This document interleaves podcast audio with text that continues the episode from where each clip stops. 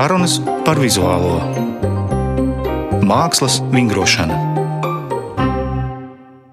Labdien! Studijā Kaspars Vanaks. Šodien gribētos parunāt par bieži dzirdētu frāzi, kas ir īsta māksla, to parādīs laiks.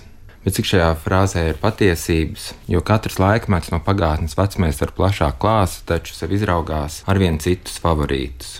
Šoreiz saruna par vēstures rakstīšanas un pārrakstīšanas tendencēm. Studijā esmu lūdzis vēstures zinātņu doktoru Gustavu Strēngu un literatūras zinātnieci filoloģijas zinātņu doktoru Evu Eglāju Kristsoni. Runāsim par balstiesībām vēsturē, kur raksta ne tikai uzvarētāji. Labdien! Sveiki! Labdien! Filoloģijas zinātņu doktora Eva Eglāja Kristsona ir literatūras zinātniece ar izteikti starpdisciplinārām nosliecēm, un šobrīd ir iekāpusi divos pētniecības laukos ar vienu kāju. Viņa ir dienas grāmatās, kas rakstīta no 20. gadsimta sākuma līdz Otram pasaules karam, kur autors ir sievietes, un ar otru kāju monogrāfijā par atraitnēm kā kultūras kategoriju, apturot laiku Latvijas teritorijā no 17. gadsimta līdz šodienai. Evi ir radījusi arī vairākas izstādes un vada Latviskās Rīgas patriciešu Grosvaldu dzimtai veltīto tiešsaistes portālu Un Gustavs, tu esi vēsturnieks, kurš studējis Rīgā, Budapeštā, Freiburgā un doktora grādu iegūst Londonā. Un šobrīd es Latvijas Nacionālās bibliotekas vadošais pētnieks un vairāku bibliotekas izstāžu kurators. Pēc kā es gribētu minēt Lutheru pagriezienu, kā arī pastāvīgo ekspozīciju grāmatu Latvijā. Lai arī viņa akadēmisko interešu lokā pirmkārt ir viduslaiku Livonijas vēsture, Jāmin arī, ka vēstures rakstīšana kā tāda un divu šai nodarbē nozīmīgi jēdzienu atmiņas un piemiņas pētniecība ir tavā interešu fokusā. Un liekas acīt, ka arī, protams, grāmatniecības vēsture. Un jūs esmu aicinājis parunāt par uh, vēstures rakstīšanu. Jo kā atspērienu punktu esmu izvēlējies nesen no Alva Hermaņa paziņojumu sociālajos tīklos, ka ar savu verdītu rubadoru iestudēja Milānas Laskalā kur darbība tiek pārnesta uz mākslas muzeja telpām. Tādējādi viņš pauž kritiku pret Jēlas Universitātes lēmumu pārskatīt savu mākslas vēstures ievadkursu. Viņš min kritiskā aspektā to, ka Jēla uzskata, ka tur ir par daudz vīriešu un pārāk balta ir tā vēsture, domājot tādas krāsas, un ka tas ir absurds. Savukārt pati Jēla uzskata, ka viņi vienkārši mēģina atbrīvoties no eirocentrismā bāzēta mākslas kanona, kā arī padarīt iekļaujošāku šo kursu attiecībā pret tiem, kuriem mākslas vēsturē līdz šim ir bijušas mazākas balss tiesības, pirmkārt jau sievietes. Un, manuprāt, jūs esat lieliski sarunu partneri, lai palūkotos uz to, kādas ir tās jaunākās tendences vēstures rakstīšanā vai vēstures pārrakstīšanā, Un pirmkārt, laikam par to, vai vēsture kļūst globālāka. Jā, protams, un šis ir tas brīdis, kurā vēsturnieki par šo jautājumu, cik vēstures zinātne ir eirocentriska un vai viņai jāskatās uz pasauli plašāk, vēsturnieku prāti šobrīd ir nodarbināti ar šo jautājumu. Un, kā raksta Sebastians Konrāds savā grāmatā, kas ir globālā vēsture, Līdz šim pasaules vēsture ir rakstīta no Eiropiešu skatu punkta, izmantojot tādus jēdzienus kā nācija, revolūcija, sabiedrība, progress, kas mums ir ļoti labi saprotami, bet iespējams nav tikpat viegli pielietojami skatoties uz sabiedrībām ārpus Eiropas. Un eh, šis arī ir tas brīdis, kurā sākas centieni rakstīt ne tikai globālu mākslas vēsturi, bet arī globālu kultūras vēsturi, lai spētu saprast, kā pasaulē, nu, mēs varam droši teikt, no 16. gadsimta mēs visi esam saistīti visā pasaulē, domājot lielāko daļu kontinentu, kādā veidā šīs attiecības ir veidotas, kādā veidā ir notikusi dažāda kultūra apmaiņa. Un, protams, šis nav viegls process, jo daudz to kritizē un uh, pamatot, jo, manuprāt, jebkuras jaunas idejas vai jauni paņēmieni ir vienmēr pakļaujami kritikai, un tajā pašā laikā mums ir ļoti grūti atbrīvoties. No iepriekšējā skatījuma, un man liekas, Alvi Hermaņa izteikumi ir kā labs piemērs tam, ka tas varbūt pat nav konservatīvisms, bet ir ļoti grūti pamest labi pierastu skatījumu, jo tas ievieš kaut zināmu kārtību. Un iespējams tas nākošais solis, ja mēs atsakāmies no šiem esošajiem kanoniem, ir tas, ka uz kaut kādu brīdi iestājas domu hauss, un no tā visiem ir bail. Un par ko te kritizē to globālās vēsturniecības praksi? Interesants gadījums ir Patrika Bušerona, franču viduslaiku vēsturnieka sastādītā grāmata Francija pasaulē - jauna globāla vēsture. Jo viņš šajā grāmatā pēc Parīzes teroraktiem 2015. gadā sapulcēja 122 vēsturniekus un ejot cauri Francijas vēsturei no Romas laikiem līdz šodienai izvēlējās dažādus gadus un skatījās uz notikumiem, kas ir notikuši šajos gados globālā perspektīvā. Piemēram, uz Franču revolūciju nevis kā uz lokālu Francijas notikumu, bet kā uz notikumu, kas izmainīja pasaules vēsturi. Vai Staļina nāvi ne tikai kā notikumu, kas ir noticis Padomju Savienībā, bet kas arī izmainījis kreiso kustību Francijā. Un pamatkritika, kas tiek vērsta pret šo grāmatu, ir tas, ka viņi zināmā mērā ir virspusēji. Man liekas, tas ir tas globālās vēstures vājais punkts Jo, ja tu gribi apskatīt visu, tad virspusējība ir viens no riskiem. Vai tas, ka netiek ņemts vērā tas vai cits būtisks aspekts. Nu jā, bet tā jau tā vecā patiesība par to, ka vislabākā karte ķēniņa valsts tajā gadījumā, kad viņa būs tikpat liela kā pati ķēniņa valsts, vai ne? Un ar to vēsturi tas vienmēr ir tas jautājums par to, kas paliks ārpusē, kādas mēs vadlīnijas izraudzīsimies un tam līdzīgi. Bet man liekas, kas ir skaidrs un ko arī parāda, pieņemsim, ievēlā Harārī grāmatas sapiens īsa cilvēces vēsture panākumu, kurai, manuprāt, ir tirāža šobrīd ap 12 miljoniem. Tā ir tipiska grāmata, kuras var nopirkt lidostu grāmatnīcās. Bet kas man liekas interesanti, ka tātad cilvēki mēģina izprast lielākas kopsakarības tajā pasaulē, kurā mēs šobrīd dzīvojam. Un, lai cik tas paradoxāli nebūtu, šobrīd Laskālas opernams, kurā ir redzama Alva Hermaņa iesudējums, ir uh, slēgta tādēļ, ka Itālija ir sasniedzis koronavīrusu. Līdz ar to, kādi tad ir šie globālie kontakti un kā tas attiecās tieši uz mums personīgi, kā individiem, un kā šīs mikrovēstures sasienās kopā ar globālajām vēsturēm, ir ārkārtīgi interesants. Un, laikam, kas tas lielākais risks, un te es gribētu arī pāriet pie tām mikrovēsturēm un sarunā ar Evu, ka, piemēram, Ņujorkā portretējumā Harāris uh, pagājušajā nedēļā. Viņi runā par to, ka grāmatas no vienas puses mēs iegūstam šo pārskatu no agrārās revolūcijas uz industriālo un pēc tam uz tehnoloģiju revolūcijām un ka šajās lielajos vilcienos mēs arvien mazāk redzam paši sevi vai pat kaut kādas nācijas vēstures, jo viņas vienkārši izkūst.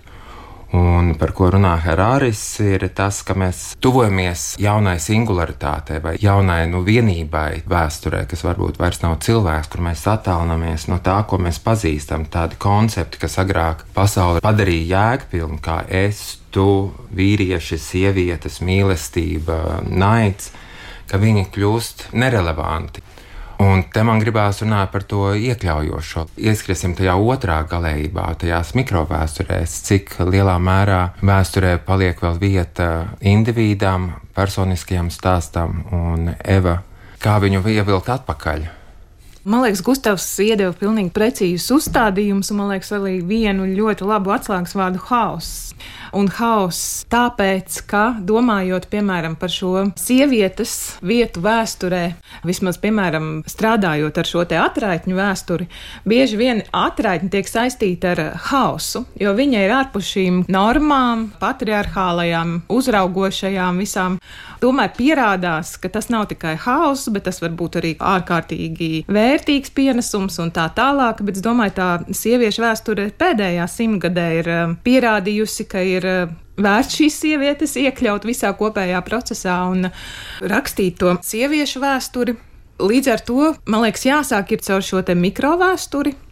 Un uh, strādājot, piemēram, ar sieviešu dienas grāmatām no 20. gadsimta pirmās puses, ārkārtīgi interesanti ir, piemēram, kur šīs dienas grāmatas atrodas.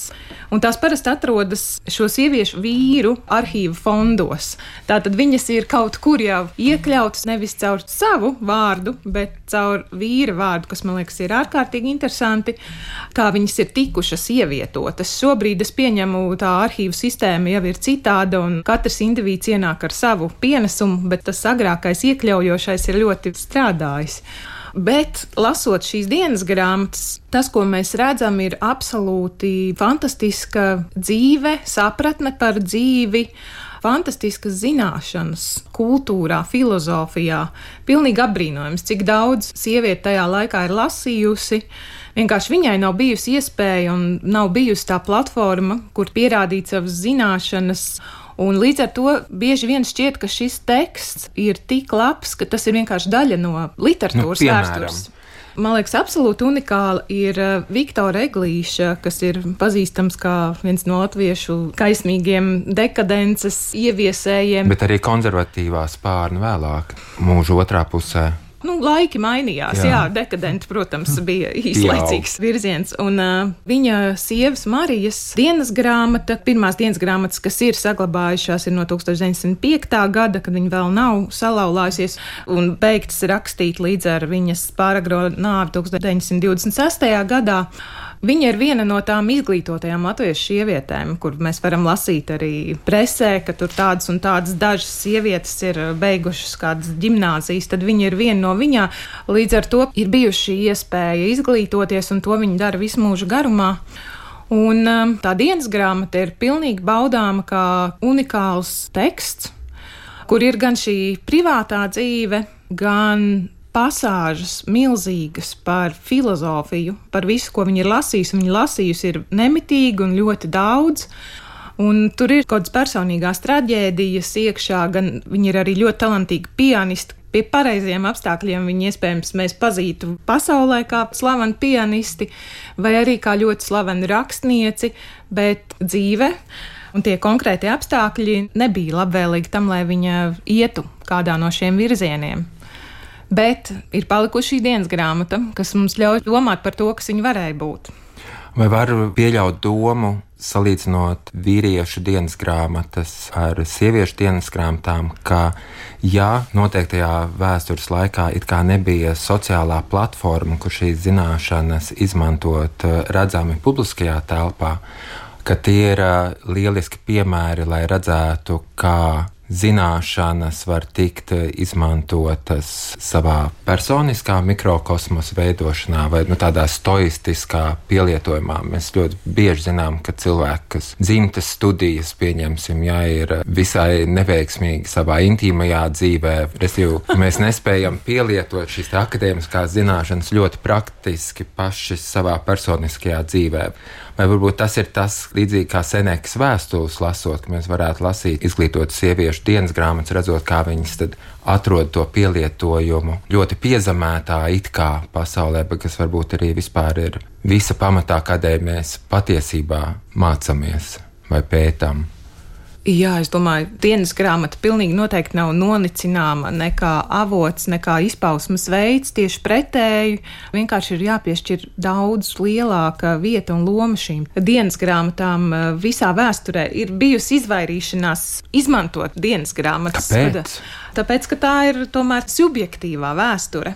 Un pamatā vēsture ir balstījusies uz apstiprinātiem dokumentiem, un dienas grāmatas nav tikušas iekļautas vai negūstas. Dienas grāmatas vismaz tad, kad es mācījos vēsturi Latvijas Universitātē, un mums profesors Aleksandrs Gavrīļins mācīja avotu kritiku. Dienas grāmatas bija viens no avotiem, kurš tika uzskatīts par ārkārtīgi subjektīvu, bet mēs redzam šo pagriezienu gluži kā mēs runājam par to globālo pagriezienu un atteikšanos no noteikti ierastā skatījuma, mēs arī redzam pēdējos desmitgadēs, cik liela nozīme tiek pievērsta mutvārdu materiālam, kā avotam un dienas grāmatām. Protams, ka jebkurš pētnieks, kurš ar šo materiālu strādā, viņš apzinās tā ierobežojumus. Es eh, savukārt no saviem studiju laikiem atceros, ka kāds no vēsturniekiem teica, ka Ivāns Kājas dienas grāmatas ir lielisks avots, lai zinātu sviesta cenas kāpumus un kritumus centrāla tirgu, jo viņi katru reizi pēc centrāla tirgus apmeklējuma rakstīja, kā kāpj atkal cenas. Mākslas vingrošana. Atgādināšu, ka studijā kā sarunu biedri aicināti literatūras zinātniece Eva Eglāja Kristsona un vēsturnieks Gustavs Strēnga. Varbūt iezīmējot tos divus lokus, varētu teikt, ka Hermaņa apgalvojumā ir jaukušama trauksme par divām parādībām, kas vērojama šobrīd vēstures rakstīšanā. Viena ir globalizācija, un otra ir līdztiesība. Vai līdztiesība piešķirot balsis tiem, kur it kā uzvarētāji rakstītajās vēsturēs nepiedalās. Tajā gadījumā mēs varētu teikt arī par sievieti vai maikalpotāju vai tautām, kurām nav savu nāciju valsts un tam līdzīgi. Un ja reiz Hermanis aizstāv šo balto vēsturi, tad gribētos pieņemt to melno vai dzelteno vēsturi, vai centienus viņu iekļaut vēstures lielajos rāmjos. Varētu salīdzināt ar latviešu centieniem 19. gadsimtā, pieņemsim, tikt pieskaitītiem. Gustav, tev bija teorija Jā, par to, nē, kā nu, varētu salīdzināt. Man, man, man īstenībā šķiet, tas ar... ir ārkārtīgi interesanti, ka mēs pēdējos 150 gadu laikā, šeit mēs domājam latviešu sabiedrību no tiem, kuri cīnījās pret to vēstures kanonu pret karaļu un valdnieku vēsturi, kāda bija Vācu baltiešu rakstītā vēsture līdz 19. gadsimta nogalē, ka mēs tagad kļūstam par tiem, kas aizstāv šo kanonisko vēsturi, jo latviešu kā nācija balstījās tajā marginālajā kultūras mantojumā, jo 19. gadsimta nogalē nebija daudz cilvēku Eiropā, kur uztvertu nopietnu mutvārdu mantojumu kā tautas dziesmas, kā kaut kādu nācijas kultūras pamatu, jo kultūras pamats bija viduslaiku kronikas, dažādas varoņdziesmas, 16. un 17. gadsimta daļu literatūra un dramaturģija un 18. gadsimta apgaismības ietekmētā dzeja. Un te nāk latvieši un igauni, kuri stāsta, ka viņu tautas dziesmas sniedzās tālā senatnē Un tās ir zemnieku gadsimtiem ilgi dziedātas un no paudzes paudzē nodotas dziesmas. Viņi saka, tas ir tas mūsu mantojums, un tas ir tas, uz ko mēs balstām savu identitāti. Un eh, tā bija tā pretvēsture. Te ir tas mēģinājums parādīt, ka vērtīgs nav tikai tas, kuram mākslas kritiķi vai sabiedrības elite piešķir vērtīguma birku, bet vērtīgs arī ir tas, ko sabiedrība apzinās, kā esam vērtīgu. Pagājušā gada nogalē, šī gada sākumā Tallinā Mākslas muzejā Kumu bija apskatāma izstāde The Conqueror's Eye - iekarotāja acis kur bija tieši šī tēma par koloniālismu, par pakļautajiem un pakļāvējiem ļoti labi izvērsta. Un šajā izstādē bija arī milzīgs darbs, kurš, manuprāt, bija arī pirms tam redzams Venecijas bienālē kur jaunzēlandiešu māksliniece savā video darbā parādīja šo iekarošanas procesu. Tas bija nu, aptuveni pusstundu, 45 minūtes ilgs darbs, kur vienkārši tev gar acīm slīd šīs dažādas iekarotāju, pakļāvēju, Lielbritānijas pārstāvju attiecības ar pakļaujamiem cilvēkiem Jaunzēlandē. Un Šajā pašā izstādē bija redzams arī fotografijas no 20. gadsimta sākuma, kur kāds igauņu misionārs darbojās Āfrikā kur mēs redzam ļoti interesantas attiecības. No vienas puses, Igauni un Latvieši ir tie, kas ir tikuši pakļauti.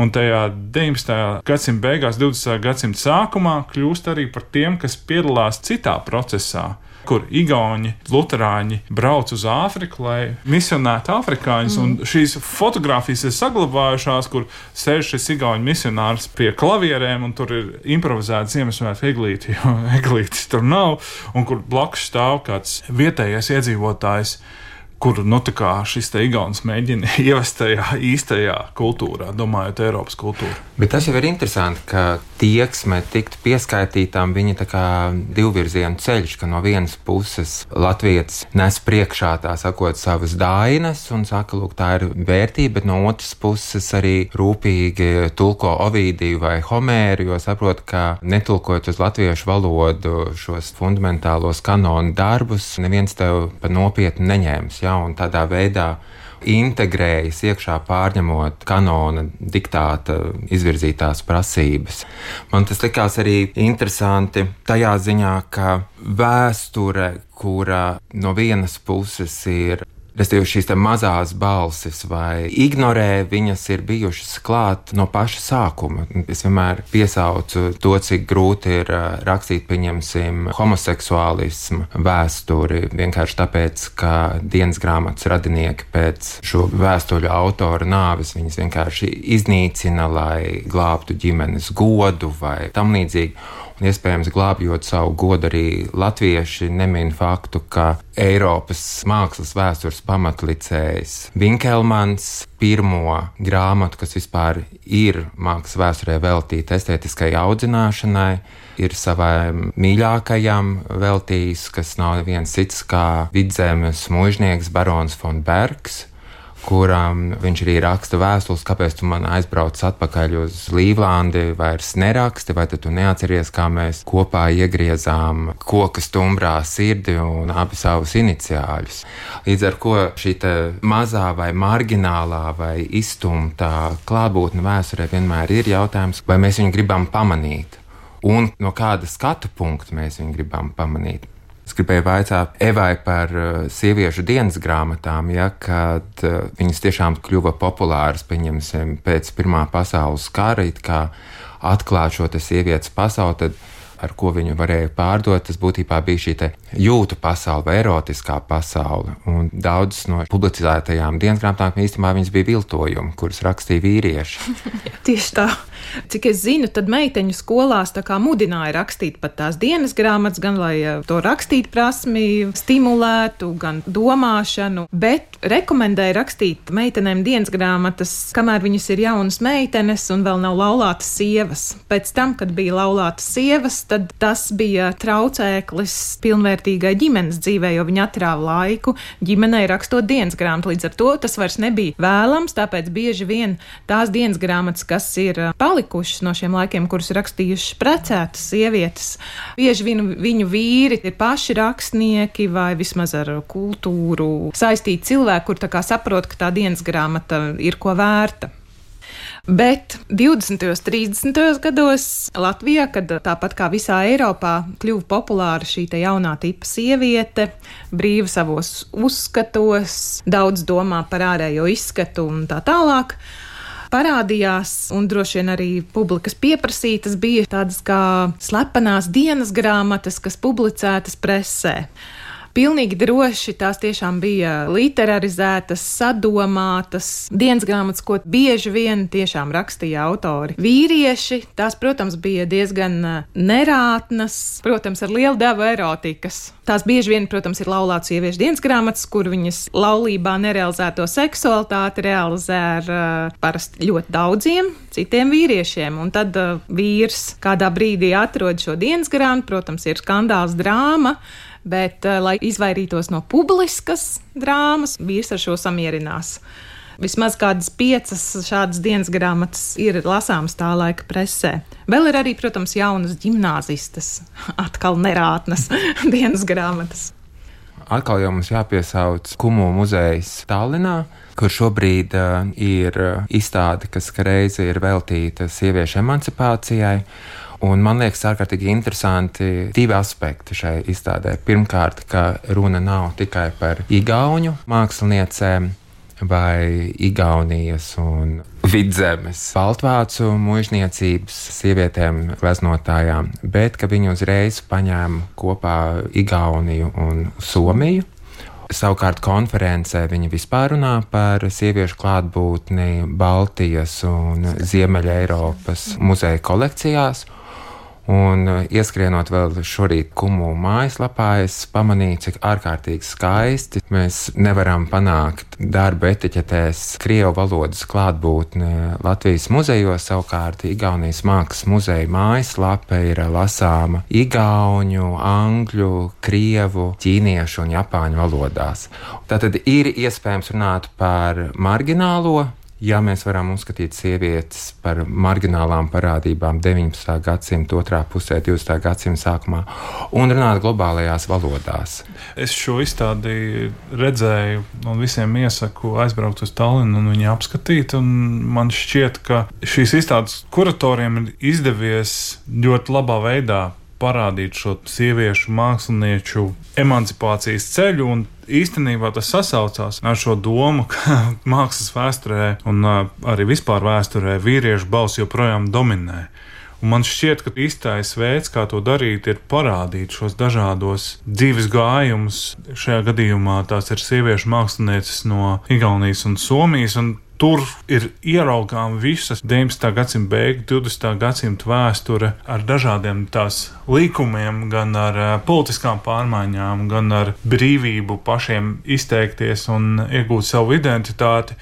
Un uh, tas ir varbūt tas, kas pietrūkst uh, Latvijas mākslas telpā cik mums daudz ir šādas refleksijas. Nu, protams, bija izstāde par uh, Grosvaldu ģimeni un par Mēriju Grosvaldi. Tas ir lieliski, bet mums ir ārkārtīgi daudz šie nezināmie stāsti, kas mūsu mākslas kanonā nav iekļauti. Un es domāju, arī gan literatūras, gan arī daļo mākslu kanonā, kur mēs šo stāstu neieraugam, vai mēs par viņiem nezinām. Un tas ir tas mākslas vēsturnieku un arī vēsturnieku uzdevums. Ir mēģināt saprast, kā to izstāstīt, vai atrast šos saskars punktus gan ar pasaules vēsturi, gan ar vispār reģionu vēsturi, neskatīties uz sevi kā uz atrautu parādību. Un tas ir tas, kur uh, Igaunijas gan mm. mākslas vēsturnieks, gan arī vēsturnieks vispār var lielīt, ka viņi prot paskatīties plašākā kontekstā un prot ieraudzīt svarīgās un būtiskās tēmas, kuras ir gaisā vispār pētniecības vidē Eiropā un pasaulē. Kas jūsuprāt šobrīd šim garam atbilstoši ir sarakstīts vai tiek pētīts Latvijā? Šobrīd tiek darīts, manuprāt, diezgan daudz, varbūt tāpēc, ka es pati esmu šajā iesaistīta, un tad vienmēr liekas, ka viss kaut kas tiek darīts, bet man liekas, arī tīri objektīvi tiek darīts. Gan mākslas vēsturē ar Baibas Vanagas pētījumiem. Un tur jācer, ka pēc iespējas drīzāk viņa tiks pie savas monogrāfijas Baltvācu mākslinieces arī pirmās latviešu mākslinieces, bet pamatā, protams, baltvācietis, par ko viņai bija disertācija un top arī monogrāfija. Tāpat noteikti ir jāpiesauc Ineta Lipša, kura pēta gan politisko sieviešu aktīvismu publiskajā telpā, bet tur ir šie daudzie vārdi bez sejām, un ir jāatrod šīs sejas, ar ko šobrīd arī Ineta strādā. Jo nu, tas ir kā filmā. Mums ir svarīgs režisors, scenogrāfs, operators, bet tad ir tie milzīgie titri. Un mums šobrīd ir jālasa rūpīgi šie titri, un katra šī seja jāparāda. Mums nav varbūt jāpāraksta, bet mums ir jāraksta klāt šī vēsture. Mēs esam līdz tam nobrieduši, pietiekoši brīvi, zinoši, lai to darītu.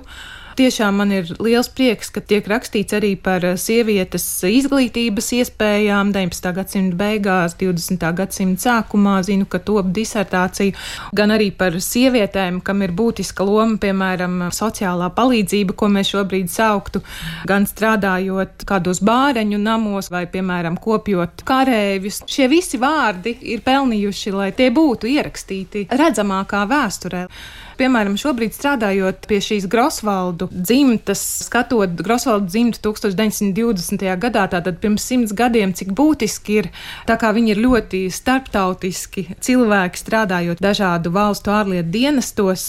Viņi, protams, kontaktējas ar turienes cilvēkiem, un man vajag saprast, ar ko tieši viņš ir kontaktējies, un cik labi, ja es, piemēram, meklējot kādā franču periodikā vai kur atrod šo uzvārdu un iegūst to kontekstu, tad man gribētos, lai ir pretēji ja, piemēram, kāds ārzemēs ir bijis kādā saistībā ar kādu latvieti, ka viņš arī varētu atrast. Te mēs ejam uz priekšu no globālā uz mikro un no mikro atpakaļ uz globālo. Un, ja mēs runājam piemēram tādu globālāku mākslas vēsturi, kur es redzu grūtības veidot sinerģiju starp, pieņemsim, austrumu mākslas vēsturi, rietumē Eiropas mākslas vēsturi vai to, kas norisinājās Āfrikā vai Latīņamerikā, kur vairums liecību tomēr ir uh, iznīcināts koloniālismu rezultātā. Bet eh, viena lieta, kas man dara uzmanīgu, ir, ka tās arī divas dažādas mākslas vēstures skolas. Pirmkārt, tāpēc, ka, ja mēs paskatāmies, vai tas būtu Džordžo Vazārī pirmā mākslinieku biogrāfiju apkopojums, viņa grāmatas slavenāko gleznotāju, tēlnieku un arhitektu dzīves apraksts, kas iznāca 1550. gadā, vai nedaudz vēlāk, kad Nīderlandē iznāk Karela van Manders grāmata Šilderbaka par Nīderlandes gleznotājiem. Viņas ir bāzētas uz ģēnijiem. Viņas ir bāzētas mākslas vēsturē, kurai pats galvenais ir noteikt autorību un autorības pēctecību skolniekos. Un ļoti grūti runāt par mākslas vēsturi, kas rakstītu par uh, mākslas darbiem, kuros autors ir nesvarīgs. Vai tas, ko Eva saka šajā garajā titru klāstā, mēs gribam redzēt sejas. Savukārt, ja mēs skatāmies ķīniešu mākslas vēstures histogrāfiju, viņiem pirmā līdzīga Džordžo Vazārī grāmatai iznāk jau 550. gadā. Ksīhē, kurš pirms viņš sāk runāt par māksliniekiem, viņš runā par sešiem punktiem, kas jāņem vērā, domājot par glezniecību. Un tur viņš būtībā uzreiz sāk ar mākslas teoriju, respektīvi, autors atvirzās otrajā plānā. Un galvenie ir šie punkti. Viens ir uh, gara rezonance, tad ir uh, atbilstība stilām, spēja skopēt, uh, kā tu turi otru mēs varam runāt par mākslu, neminot vispār autors. Un tā ir tas jautājums, kādā veidā integrēt, piemēram, Indijas mākslu vai islāma mākslu mūsu mākslas vēsturē, ja viņās nav fiksēts autors vai autors ir nesvarīgs. Vai mēs nezinām neko par māju vai inku tempļu telnieku vārdiem, un šīs sejas mēs nekad nedabūsim. Kā viņus ievilkt tajā globālajā vēsturē. Tas ir ļoti sarežģīts uzdevums, un tādēļ arī šī Alfa Hermaņa reakcija vai vispār konservatīvi domājošu cilvēku reakcija uz Jēla universitātes lēmumu mainīt šo ievadu mākslas vēsturē, atsakoties no šīs ierastās eirocentriskās mākslas vēstures. Tas parāda bailes no attiekšanās no šī ģēnija kulta, jo tas kaut kādā veidā atvieglo skatījumu ja mēs sākam skatīties plašāk, ja mēs sākam skatīties parādības, mums uzreiz ir jāskatās dažādie sociālajie un politiskie konteksti, un tas kļūst daudz sarežģītāk nekā vienkārši skatīties Da Vinci vai Brēgalu vai lepoties ar ģēnijiem, ar atsevišķiem ļoti, ļoti spilgtiem māksliniekiem. Brīžiem pilnīgi ignorējot to kontekstu, kādā viņi paši ir darbojušies. Eva, noslēgumā jūsu iespējas cīnīties par seju tiesībām vēsturē. Es redzu, ka sabiedrībai ārkārtīgi interesē šīs sejas. Es redzu, ka šobrīd ir vilnis saprast savas saknes, dzimtu vēstures. Man liekas, šis ir īstais brīdis, kad jāizmanto un jāmeklē šīs sejas, un tās arī atrodas, par ko ir liels prieks. Milzīgs paldies jums par sarunu. Es, Kaspars Vanaks, studijā biju aicinājis literatūras zinātnieci Eva Eglāju Kristsoni un vēsturnieku Gustavu Strēngu. Paldies! Paldies. Raidījums tapis ar valsts kultūra kapitāla fonda atbalstu.